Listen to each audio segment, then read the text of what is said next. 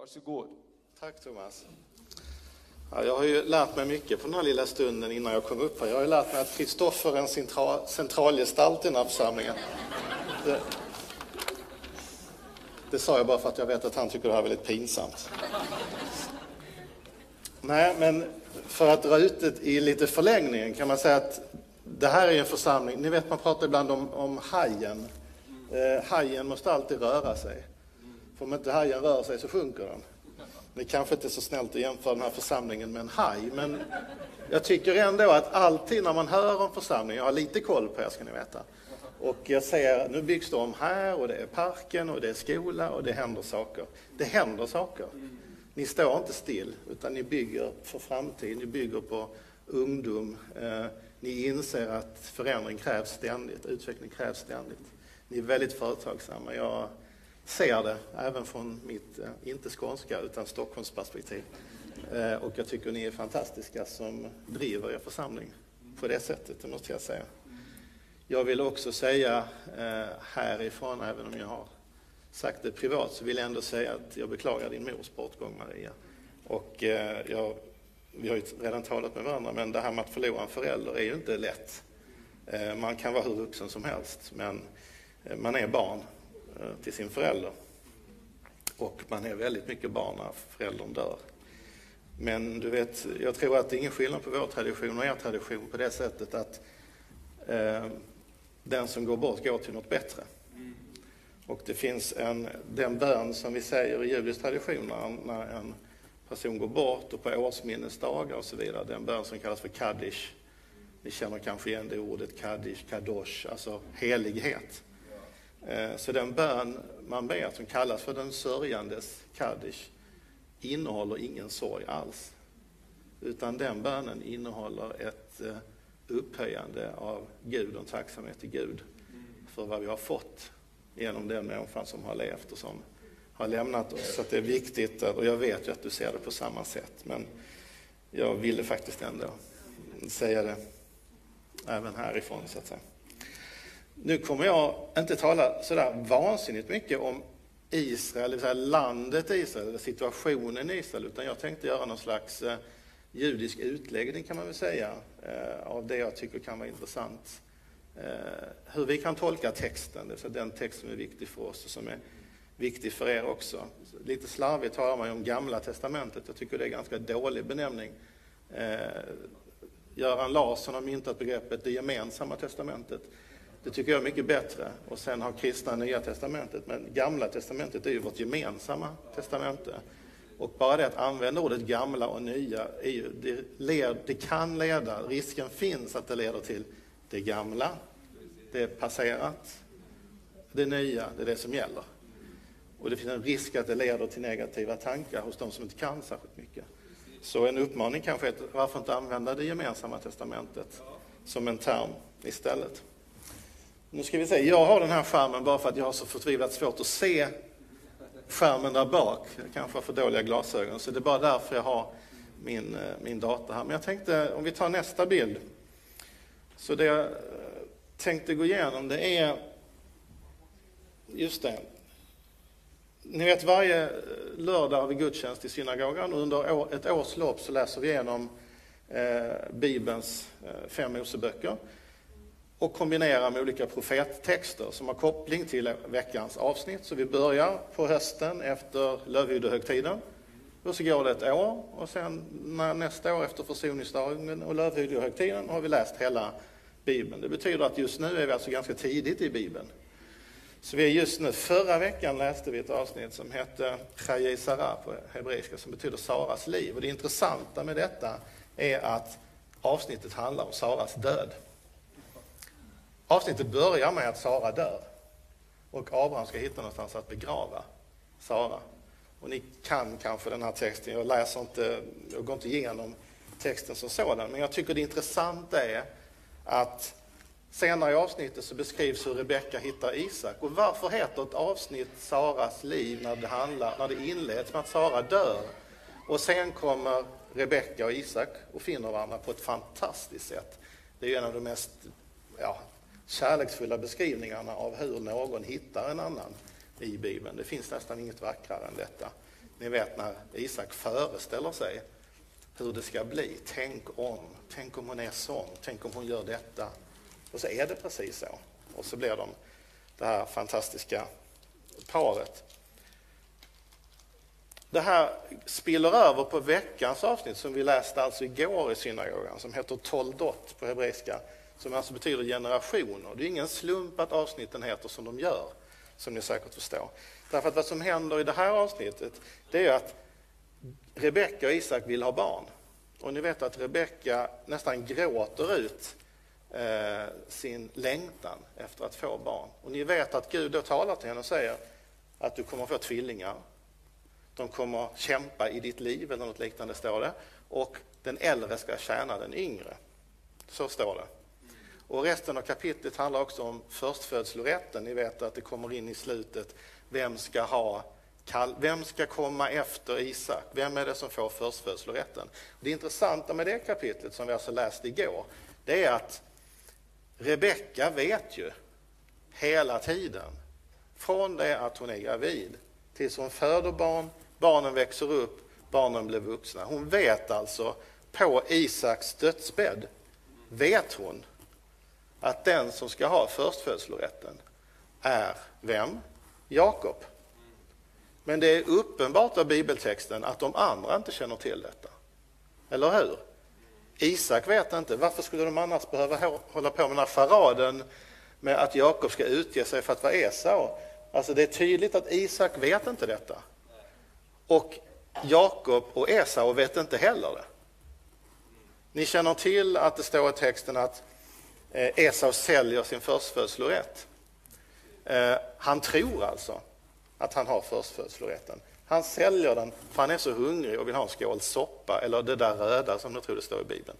Så, så lite, det står också så i texten ju, så lite betydde förstfödslorätten så att han säljer den för en skål soppa.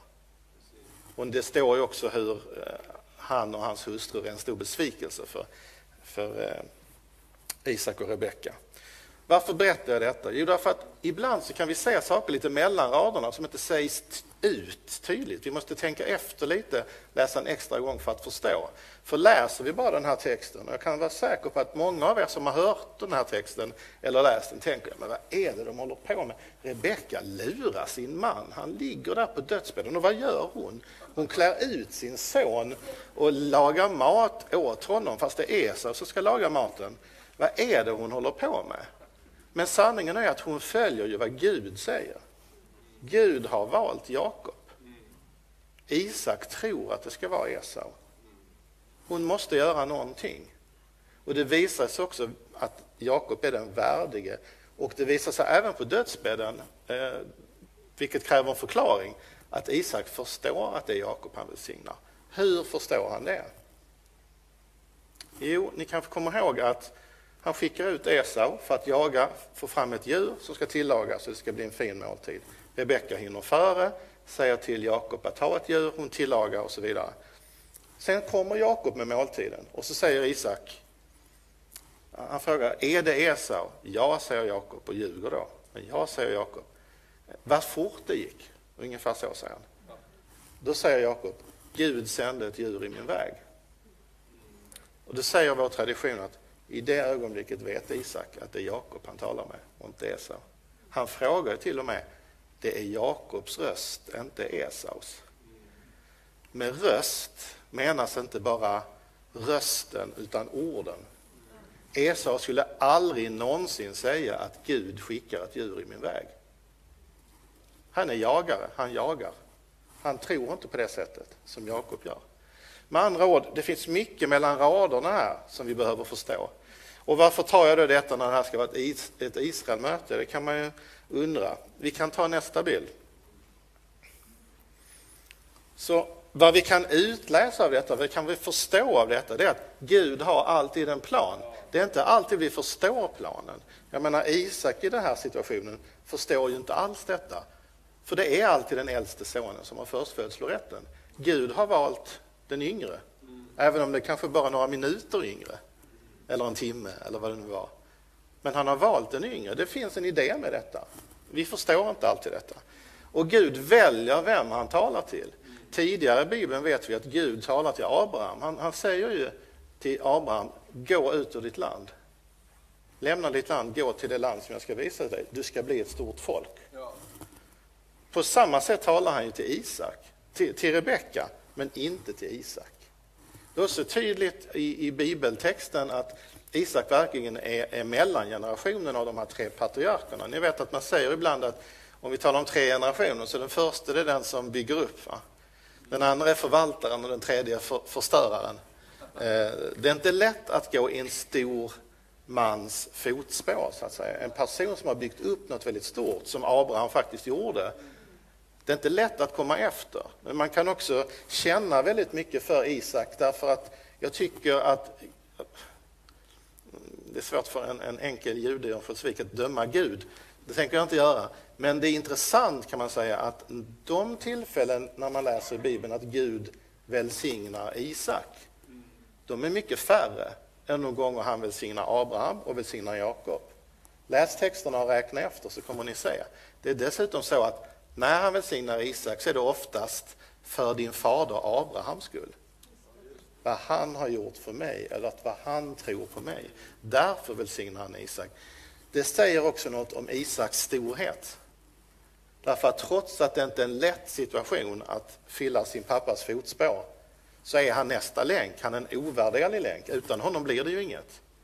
Det, han måste föra detta vidare och han lyckas föra detta vidare till Jakob. Så det är väldigt viktigt. Alla här spelar en roll, men något olika roller.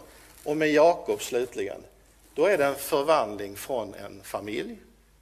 För nu är det tolv söner och nu kommer allt att växa med en väldig rotation.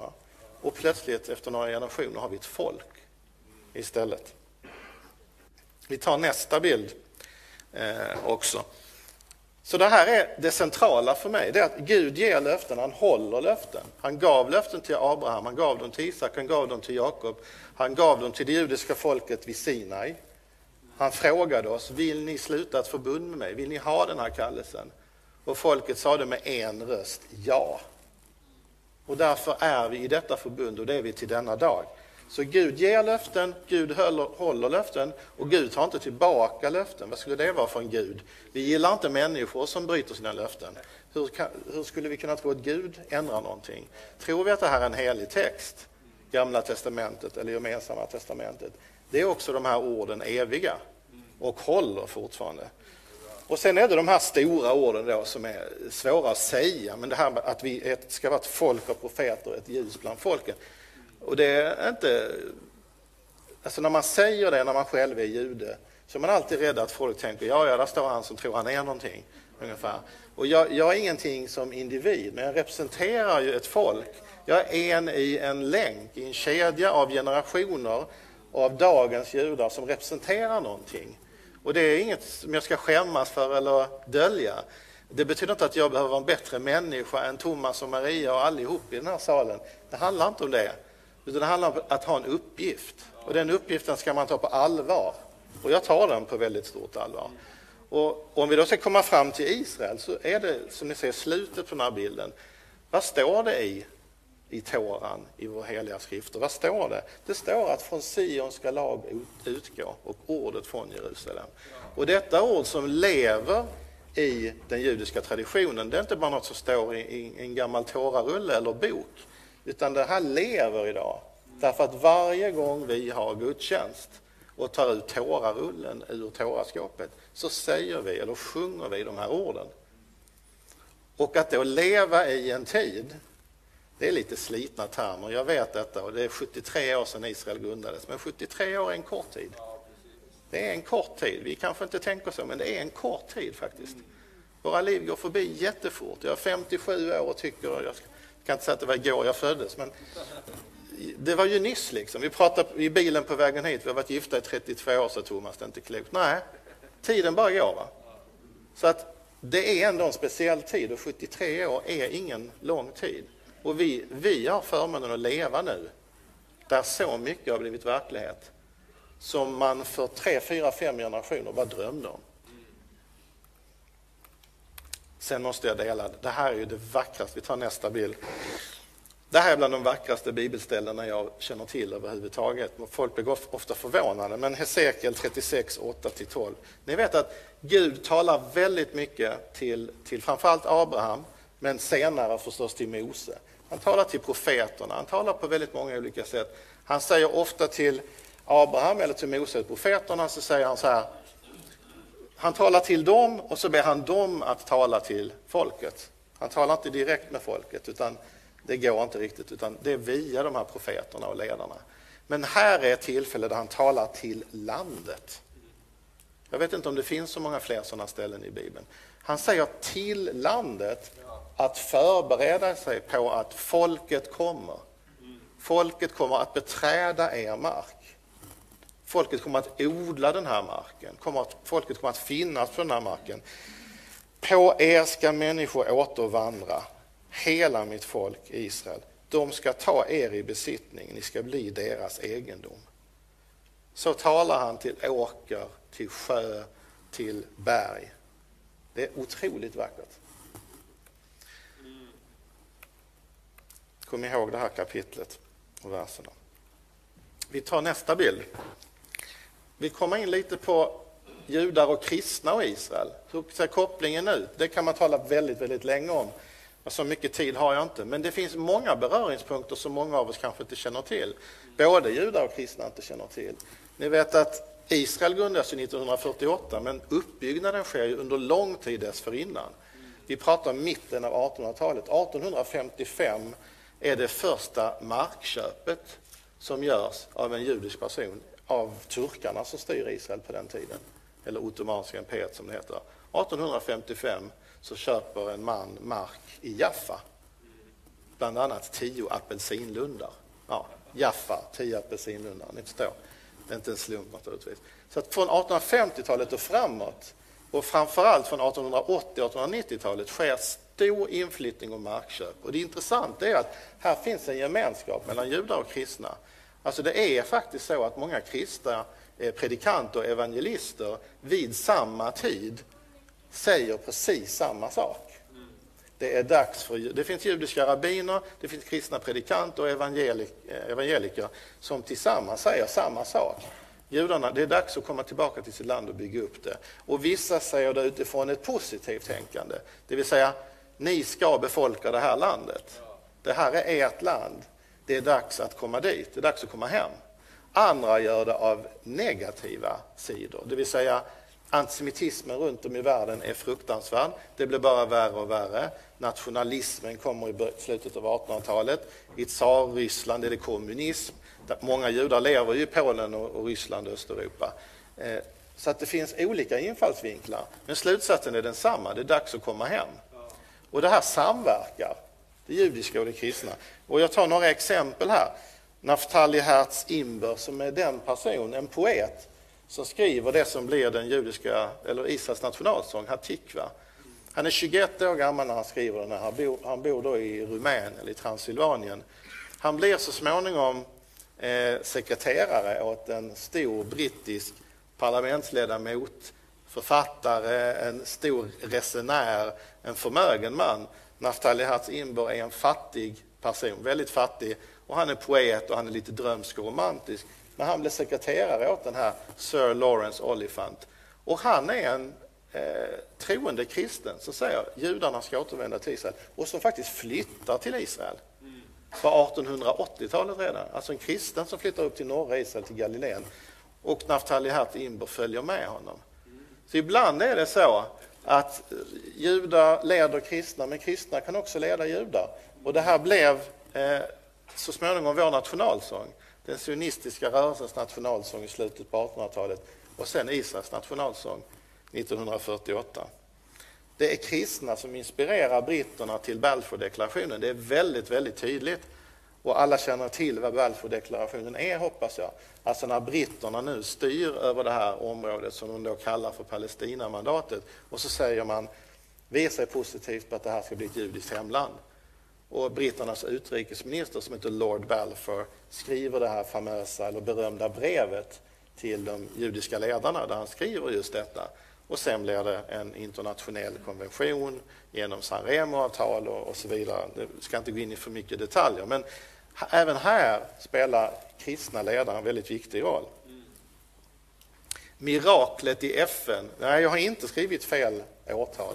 Det är 1947. Vad är det som händer i FN den 14 maj 1947? Ni vet att Israel utropas på dagen ett år senare. Men 1947 händer något ganska uppseendeväckande. Det finns en...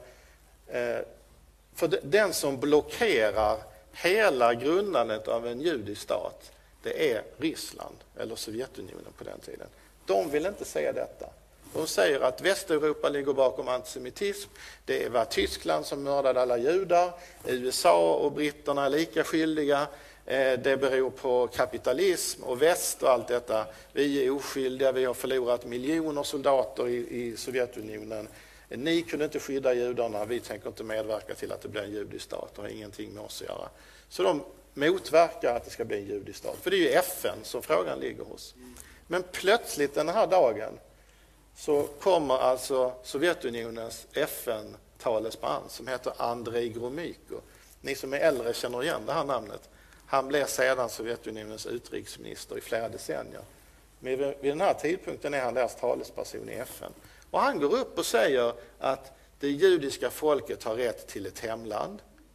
Eh, vi vill medverka till att det ska bli ett judiskt hemland. Det är fortfarande politik i det naturligtvis. Det var ert fel att förintelsen ägde rum, vi är offer, bla bla bla och så vidare. Men det han säger leder till att FN så småningom kan komma med sin delningsplan. Det vill säga att FN faktiskt beslutar att Israel ska bildas. Mm. Vi ska komma ihåg ibland, ska tala mer om detta i eftermiddag egentligen, vi har ett möte klockan tre också. Jag kommer tala mycket mer om Israel då och mycket mer om Israel och Sverige och relationerna mellan Israel och Sverige. Hur har de varit historiskt, hur är de idag? Blir de nu bättre? Är de nu bättre eller är de inte? Jag ska inte avslöja eh, resultatet av detta, men, eh, men eh, jag ska tala om det i alla fall. Men det intressanta är att det finns inget land i världen, om vi nu skulle lämna Bibeln åt sidan, vi säger så här, men vi lämnar det då. Vi, vi lämnar det här med vad Gud säger och vad vi tror är rätt. Vi lämnar allt detta och tittar vi, vilka länder finns det i världen? Och vad har de för stöd för sin existens? Vad är det som säger att Sverige ska finnas? Tala om för mig. Finns det något som säger att Sverige ska finnas? Eller Danmark, eller Frankrike, eller Tyskland? Finns det något som säger att de länderna ska finnas? Det står ju knappast i Bibeln. Va? Det bara är så, eller hur? Det är av hävd. Och Tyskland har inte alltid varit Tyskland. Det var en massa små, små, små delstater tills 1871. Och Frankrike samma sak. Många länder, Polen har slutat existera under ett antal år och sen plötsligt återuppstått 1919 eller vad det var var borta i 120 år och kom tillbaka. Så, saker händer i världen. Va? Men det finns inget land som Israel som har så mycket internationellt stöd för sin existens, även vid sidan av Bibeln. Vi har Balfour, vi har San Remo-avtalet, vi har delningsplanen i FN. Det finns ett antal beslut om att det ska finnas en judisk stat. Det intressanta är att trots detta så är väl det här det enda landet i världen som vi betvivlar existensen av, eller Ska de verkligen få finnas? Men ingen skulle ju säga som något annat land i världen. De länder vi kan tycka mest illa om av alla länder, Iran eller Saudiarabien eller vad du vill, men det är väl ingen som säger att Iran borde inte finnas. Vi kanske vill bli av med de där mullorna, men vi säger inte att, Israel, att Iran inte ska finnas. Men av någon anledning är Israel något speciellt. Det är en stötesten för många människor. Och då ska vi vara de som lyfter. Och det kan vi göra tillsammans. Och idag är Israel ett centrum. Och det är så tydligt att Israel är ett centrum. Eh, ja, på väldigt många sätt. Eh, du talade innan om innovationer. Och vad är Israel idag? Israel är en förebild. Israel är ett folk av profeter och ett ljus bland folken. Israel sprider ljus från sitt land över hela världen. Och om nu Europa, och framförallt Västeuropa, har svårt nu för tiden att relatera till Israel och är så extremt kritiska, så får Israel fler nya vänner bland u-länder i Afrika till exempel. Därför att de ser ju hur Israel kan hjälpa till med vad ska man odla? Vad funkar att odla på den här platsen, i det här klimatet, med den vattentillgången? Det är israelerna expert på. Och hur ska man bevattna på bäst sätt? Och hur kan man ta fram nya grödor som fungerar på olika geografiska platser med olika förutsättningar? Och då ser de här u-länderna att ja, men Israel finns ju där för att hjälpa oss. Var är Europa någonstans? Så vad betyder detta för oss idag? Vi tar nästa bild. Det betyder att vi har en skyldighet, nu, nu blir det lite plakatpolitik, jag är ingen politiker, men det, det blir lite så när man ska sätta upp några punkter. Men jag tycker ändå det här är viktigt att säga att vi har en skyldighet att följa Gud. Är vi troende människor, och det är vi alla här, då har vi en skyldighet att följa Gud. Och det gör vi i vått och i torrt. Och Gud har en kär, särskild kärlek och omsorg om Israel som folk och som land. Och det, det har vi bara att, egentligen är det bara att följa, följa det. Vi, vi, kan inte säga någonting om det, utan det är bara att göra vad det, det Gud vill av oss. Och vi ska stå framför Israel och vi ska stå bakom Israel. Jag hörde en rabbin säga detta en gång. Jag tycker det är en sån fin liknelse därför att under ökenvandringen, ökenvandringen var det ju så att dag och natt var det något som gick framför oss och något som var bakom oss. Som för att leda oss och för att skydda oss. Det är nästan som dagis, va? någon ska gå först och någon ska gå sist. Barnen, ja det var ju Israels barn så det är inte så konstigt. Nej, och det ska vi göra. Vi ska gå före och vi ska gå efter och visa omsorg om, om vårt folk och mitt folk. Och det är tydligt att folk och landet har en särskild uppgift att fylla. Och kanske vet vi inte allt idag, för Gud talar inte alltid tydligt. Det spelar ingen roll, det kommer uppdagas tids nog. Vi har bara att göra det Gud vill av oss. Och då blir vi alla välsignade genom detta. Och jag vill inte vara förmäten, men jag tror att ni är välsignade i den här församlingen. Ni har välsignat Israel i många år och ni är välsignade. Ni kan göra, ni har gjort fantastiska saker med er församling. Så många saker som ni gör. Det är bara, det är bara att vara glad och tacksam för det. Ska vi se, vi tar en, en bild till då. Vad betyder det här i praktiken då? Vi ska tala väl om Israel. Det betyder inte att Israel är perfekt, men det finns tillräckligt många som beskriver hur hemskt Israel är. Så vi behöver liksom inte fylla på den kören. Senast häromdagen så, så fälldes Cecilia Udén i granskningsnämnden för tredje gången för att hon hade sagt något väldigt snällt om Hamas. Eh, hon tyckte inte att Hamas var terrorstämplat, fast det är ju det. Eh, men det tyckte inte hon. Hon sa också att Israel hade att välja på att vara en apartheidstat eller sluta vara en judisk stat. Och så sa han att Hamas, ja men det är bara skäggiga gubbar och de går det att prata med.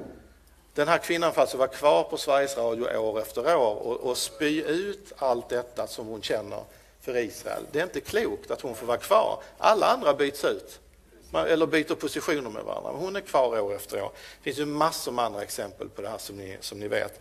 Men då, då ska vi vara en annan röst. Och det finns andra röster och det finns andra sätt att sprida. Jag kan berätta, en del av er kanske känner till och gör ni inte det så sök upp det här. Simon Holst som är pingstpastor i Skövde och Roar Sörensen har en podd där de lyfter upp just positiva saker om Israel och historiska saker om Israel. Sök upp dem på Instagram, eller jag kommer inte ihåg vad podden heter. Men den är jättebra, det är kunniga, engagerade människor. Hur började detta? Det började genom att Simon Holtz, som är mycket aktiv på Instagram, märkte under det senaste kriget i maj i år, Gazakriget, när Hamas attackerade Israel, hur hans flöde fylldes av hat mot Israel. Urskillningslöst hat och misstro, om man ska vara snäll, och allmänt negativa saker. Och även för människor som han tänkte, ja men det här är väl en sansad person, en vettig person. För att folk kan ingenting beklämmande, men folk kan alldeles för lite. Så där är ett praktiskt exempel på något ni kan söka upp eh, och lära er mycket av. Så Gud vill att vi står upp för Israel mot Israels fiender. Gud vill att vi försvarar och hjälper Israel och att vi håller oss informerade. Och med det menar jag att Bibeln är bra men den räcker inte. Därför att när vi har att göra med Cecilia Udén, då kan vi inte vifta med en bibel utan vi ska ha fakta och kunna saker. Och grejen är att vi vinner då också. Hon ljuger. Det är många som ljuger, det är många som svartmålar Israel. Och den stora massan som inte kan kanske faller för detta. Det är ingen bra jämförelse, men ni vet att Hitler hade aldrig en majoritet med sig. Det var en minoritet som var nazister som röstade på nazisterna. Men tillräckligt många var tysta. En del stod emot, men den stora majoriteten var tyst. Det rör inte mig, jag vågar inte, jag vill inte, jag kan inte. Jag tänker bara på mig och mina närmaste. Jag säger inte att det här är samma sak, men, men det är någonting med det här med att, vara, att hålla sig undan, att inte ta ställning. Det är livsfarligt. Vi ska ta ställning. Den sista punkten är egentligen den viktigaste. Allt kommer att bli bra. Fråga mig inte när och hur, det vet inte jag. Jag är ingen profet, jag kan bara säga att allt blir ju bra. Men på vägen och på resan så har vi något att stå upp för. Och det ska vi göra varje dag. Ja, det var det jag hade att säga. Tack.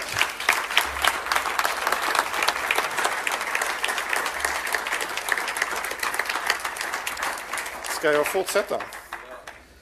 Då ska vi ta... Jag gillar Powerpoint som ni märker. Jag tycker det är så skönt för folk att slippa titta på mig hela tiden och kanske titta på något annat också. Uh, vi ska säga det att vi ska ge tillfälle att ge en gåva och du ska prata lite om det, ert arbete med Förenade Israel-samlingen och så. Jag ska också säga att Ulf ska vara på skolorna imorgon. Jag har en fantastisk möjlighet, att besöka flera gymnasieskolor och Broskolan, så kom ihåg Ulf i bön också. Det här tänker jag med den nyhetsflöde som finns. Och tyvärr så, så är det mycket mer rotat än vi kan tro. Och vi hade bara liten flicka här i vårt integrationsarbete som satt och ritade på ett papper och greja och så hade vi ett kors i fönstret och så ser hon plötsligt, vi hatar Israel. En muslimsk flicka. Och jag tänker, du är 6-7 år gammal, du vet ingenting om det, men vad hör hon runt omkring sig? Alltså det är bara en reflektion av någonting. Och så, så säger hon som leder arbetet, men varför säger du så? Inte, inte ska du säga så, inte ska vi hata. Så tittar hon på, om du skulle vara muslim så skulle du förstå. Och så fortsätter hon bara rita på sitt papper. Så jag tänker det här att informera, att prata, säga någonting annat, det är så viktigt och det du gör och det ni gör som organisation, jag tror det är ovärderligt. Och låt oss ha tron att Sverige ska bli ett land som välsignar Israel, eller hur? Och då är alla de här små sakerna så viktigt att vi står upp. Så varsågod och ta och ge oss lite information så vi kan få vara med och ge. Ja, jag ska säga att det här tillhör ju det som, som många i Sverige har så svårt att förstå. Därför att vi lever i ett helt annorlunda land jämfört med var den här flickan kommer ifrån och många andra kommer ifrån. Vi förstår inte hur impregnerade de är med hat. Och det är ju inte flickans fel. Det är ju väldigt viktigt att säga det. Det är ju inte hennes fel, utan det är ju makthavarnas, ledarnas, det är skolor, det är propaganda från maktapparater i moskéer och överallt. Men vi måste inse att det här försvinner inte för att man kommer över gränsen till Sverige. Blir man om man är antisemit när man kommer hit, slutar man när man stiger av planet på Arlanda? Det är klart man inte gör. Det här är en jätteuppgift för det svenska samhället att ta itu med. Och sanningen är att eh, vi, vi judar, vi kan inte göra något åt det här. Någon sa en gång att antisemitism eller judehat är en sjukdom som drabbar icke-judar men som dödar judar. Alltså, det är ni, höll jag på att säga, inte ni här, men det, det, det, ni kan få den här sjukdomen. Men det är vi som far illa av den. Och vi judar, jag skulle aldrig kunna påverka den här flickan, för får hon veta att jag är jude, då är hon en hon hatar. Jag kan inte påverka. Där är ni jätteviktiga. Nu har vi talat om Israel, men antisemitism, judehat, det är samma sak. Ni måste vara våra vakthundar där lite grann och påverka. Ni kan göra ett fantastiskt jobb på era skolor och dagis och många andra också. Nu vill ju vissa då förbjuda friskolor eller religiösa friskolor. Ja, det kan vi tala om en annan gång. Jag ska tala lite för, för insamling till vårt arbete. Om vi tar nästa bild. Jag tycker det här sammanfattar också det hela väldigt bra. Ska säga, vad är Israel? Men Israel är ett folk och Israel är ett land. Det är väldigt tydligt i Bibeln också. Det är Israels barn, hebreer. Hebreer kommer från ordet ivri som betyder att gå till den andra sidan. Det är det Abraham gör. Han går över till den andra sidan. Han går över floden. Han går där, där Gud säger till honom att gå. Så det är därifrån ordet hebré kommer ifrån. Och Israels barn och Israels eh, folk och Israels land. Det hör ihop. Och det här är Gud i ett nötskal. Om vi tittar på vad Gud ger Abraham och patriarkerna och folket, så det här är ju det han ger. Han ger löften, han ger välsignelse, han ger mening, mål, hopp och framtid. Det är det vi alla människor vill ha. Vi vill alla ha detta. Vi vill ha löften och vi vill att löften hålls. Om det är från våra partners, från barn, från föräldrar. Det är det vi vill ha. Vi vill ha välsignelse, vi vill ha hopp och framtid. Det här är allt i ett nötskal tycker jag, om man sammanfattar det. Eh, det tycker jag är viktigt att säga. Så om vi går till nästa bild. Då är alltså Israel mer än bara inom citationstecken Israel. Det är inte bara Israel. Det tog mig fyra minuter att komma på hur jag skulle formulera nästa mening här på ett sätt. Jag vet inte om det är begripligt. Eh, jag är inte säker på att det är det. Men, men när vi lever nu och, och, och, och, vi har sett det här så tror jag faktiskt att det här är så stort att vi inte förstår det. Och det gör man inte alltid när man är mitt inne i ett skeende. Jag vill säga att trots att det som sagt eh, snart 80 år sedan Förintelsen och 73 år sedan Israel bildades. Så vi förstår inte vidden av detta, tror jag. Jag tror att det krävs tyvärr några generationer till för att förstå vad det här betyder. Men det är löfte och det är ett fullkomnande och det är ett hopp om en framtid. Det är det vad det handlar om. Så vi ska vara glada och tacksamma att vi får en del av detta, men vi ska också vara lite allvarliga och se eh, storheten i det, lite ödmjukt, eh, tycker jag. Så vi tar nästa bild. Hur välsignar vi Israel på bästa sätt? Ni gör ju redan detta. Ni ber för Israel. Det är jätteviktigt att be för Israel och be jättemycket och starkt för mig imorgon. Det är mycket mer nervöst att tala till ungdomar än att stå här kan jag säga. Jag är livrädd.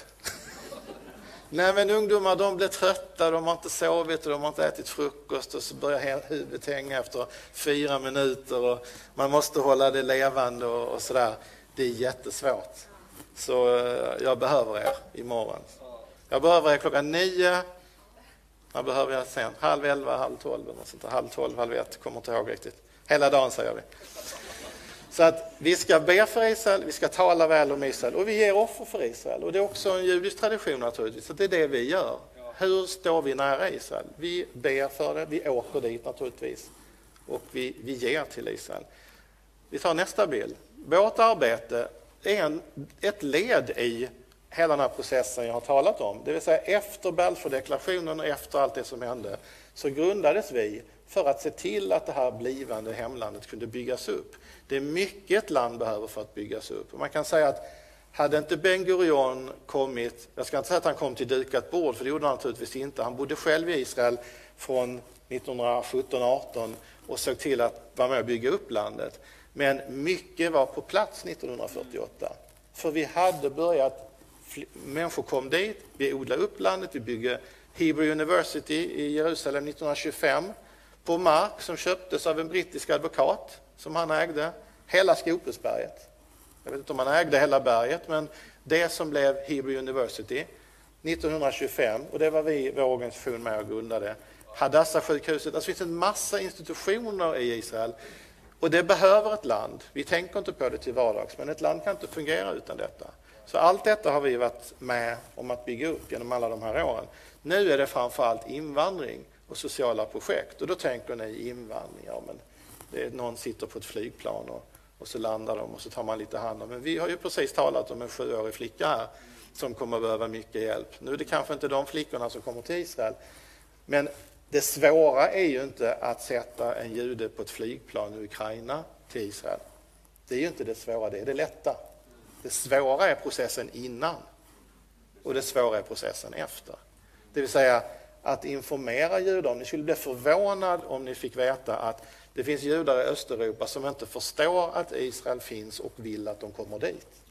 Därför att de är fortfarande så infiltrerade av vad kommunismen var som tryckte ner dem totalt. Och allt var korruption, ekonomisk, eh, ekonomisk och politisk korruption.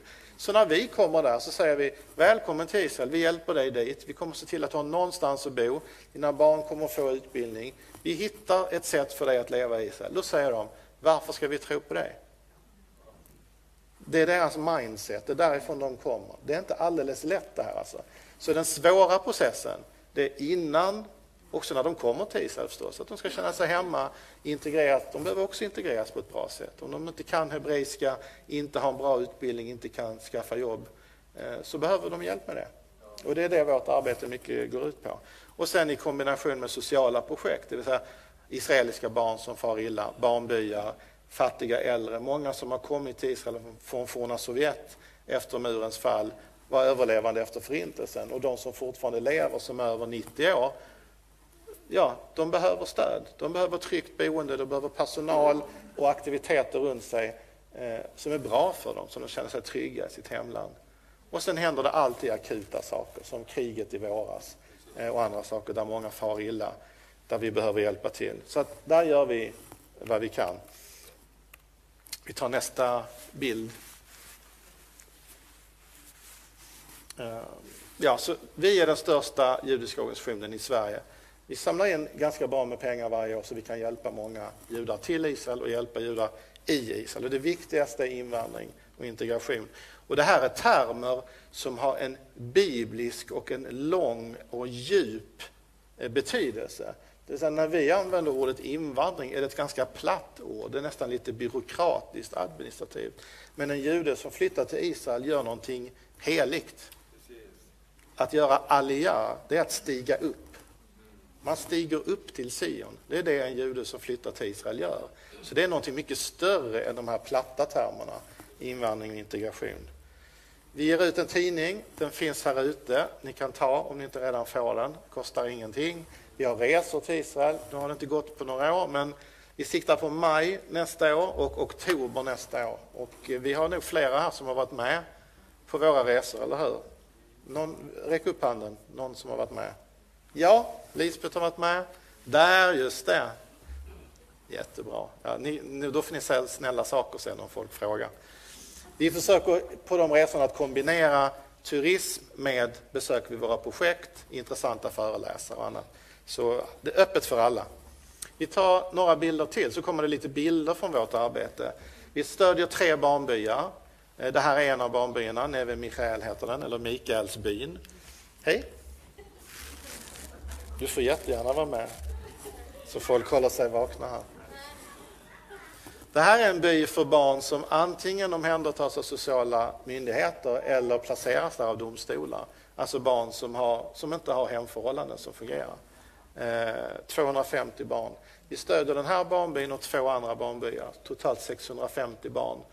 Vi driver inte barnbyarna, men vi stödjer dem, det vill säga extra personal, extra mat, eh, extra kläder, hjälplärare i skolan, extra psykolog och allt det där lilla extra som inte täcks på något annat sätt, det hjälper vi till med. Vi hjälper fattiga äldre, vi tar nästa bild. Ehm, det var två bilder på, på matutdelning till fattiga äldre. Ehm, så vi har olika äldreboenden som vi stöttar och även äldre som får ekonomiskt stöd om de behöver det. Eh, sen ska jag komma till något som jag aldrig har gjort förut. Nu får ni hålla ögonen öppna. Jag ska citera Paulus. Jag kan ingenting om Paulus, eller jag säga. Men det här var faktiskt ett citat jag hittade som var väldigt bra. Därför att jag fick en fråga en gång av en, en troende kristen som frågade men varför ska jag som kristen stödja Israel? Det finns väl massor med annat. Jag är ju med i en församling som har massor med behov eh, om folk som inte har det bra. Varför ska jag stödja Israel? Eh, och då kom det någon annan lista. Därför att Paulus säger det. Så. Jaha, vad, vad, vad, är det Paulus säger? Det, ja, det står där och där. Så. Jag memorerar det där bibelordet. Det är det här bibelordet. Jag kan inte redogöra för samman, sammanhanget här, det kan gärna Thomas få göra sen. Men det finns någonting i att, detta, att, att Paulus befinner sig på resa eh, och ska väl tillbaka till Israel. Och I samband med detta säger han att vi gör, vi gör insamlingar för de fattiga de, bland de heliga, det vill säga bland judarna, för att man ska komma ihåg varifrån man kommer. Och återigen, det är förmätet för mig att tala om för er vad ni ska göra, men jag tycker att vi har en uppgift att stå tillsammans för det vi är eniga om. Och det här det här är en uppgift för oss båda, för både judar och kristna. Stå upp för Israel. Det är bra för oss och för er. Så, så, så tycker jag man kan se på det. Och så tar vi sista bilden. Det här är ändå sista bilden tror jag. Eller näst sista visade det sig att det är. Förlåt, förlåt, jag är snart klar, jag lovar. Så det här är min sammanfattning, tutti tutti höll jag på att säga, av alltihop. Israel är en välsignelse, vi lever en speciell tid. Det är klokt att stödja Israel, för vi, vi får alla glädje av det. Det är välsignelse tillbaka, inte bara till oss som individer utan till församlingar och till länder, till folk. Och jag tycker man kan se det om man tittar runt i världen, hur världen ser ut. Var välsignelse finns och var det är lite mindre bra. Eh, Sverige behöver förändras. Någonting måste hända i det här landet. Jag vet inte hur det ska gå till, men något måste förändras för det här är ingen bra utveckling vi har. Och jag tror att det här är en, en del av det. Jag tänkte att dagens insamling, om vi tar sista bilden nu, nu är det verkligen sista bilden, Eh, ska gå till att hjälpa barnen i våra barnbyar. Om några veckor, om tre veckor, så börjar den judiska helgen chanukka. Och det här är en sån här punktinsats vi gör varje år. På sommaren vill vi att barnen ska kunna ha roliga sommaraktiviteter. De har inga familjer att vara med, men de behöver göra någonting roligt och inte bara vara i barnbyn när de har sommarlov. Så vi hjälper till, vi samlar in pengar för att de ska få sommaraktiviteter. Och vid den här tiden på året vill vi att de ska få varsin chanukka-present. Chanukka är en väldigt fin judisk helg som vi alltså firar till minne av tempelinvigningen vi gjorde uppror mot ja, den syrisk-grekiske kungen Antiochus Epifanes. Eh, och han var inte ett skämt kan man säga ur vårt perspektiv. Han förbjöd judiskt liv. Han tog templet ifrån oss. Han slaktade grisar i templet och ställde dit en bild på guden Zeus. Han ville verkligen få bort allt judiskt från Israel. Det var han som döpte om eh, staden och ja, han gjorde en massa för att få bort judiskt liv från vårt land. Det finns en lite rolig sak, men en lite larvig sak också att säga om det här med koppling till Margot Wallström. Därför att Margot Wallström ville gärna utmåla sig som en vän till Israel och det judiska folket. Vad hon än sa och gjorde så sa hon, men jag är en vän till Israel. Och en gång för några år sedan så skulle hon vara så vänlig så att hon skickade en hälsning till oss till Chanukka. Så hon skrev på Twitter. Som, som, det är så vi för utrikespolitik i Sverige. Det gjorde Carl Bildt också och det gjorde Wallström och det gör Linde också. Utrikespolitiken sker på Twitter om ni inte visste det. Och då skrev Margot Wallström att hon, att hon ville önska alla sina judiska vänner, jag vet inte om hon har några judiska vänner, men hon skrev så i alla fall, jag vill önska alla mina judiska vänner en glad chanukka. Och då skrev en god vän till mig, är du medveten om att chanukka, då firar vi judisk överhöghet över Israel och Jerusalem. Ja, då hade hon inte mycket att säga. Så jag tänker att dagens insamling ska gå till att hjälpa barnen i våra barnbyar att få varsin chanukka-present så att de kan fira den helgen på ett fint sätt. Tack så mycket. Tack för tålamodet. Så fint. Tack Ulf.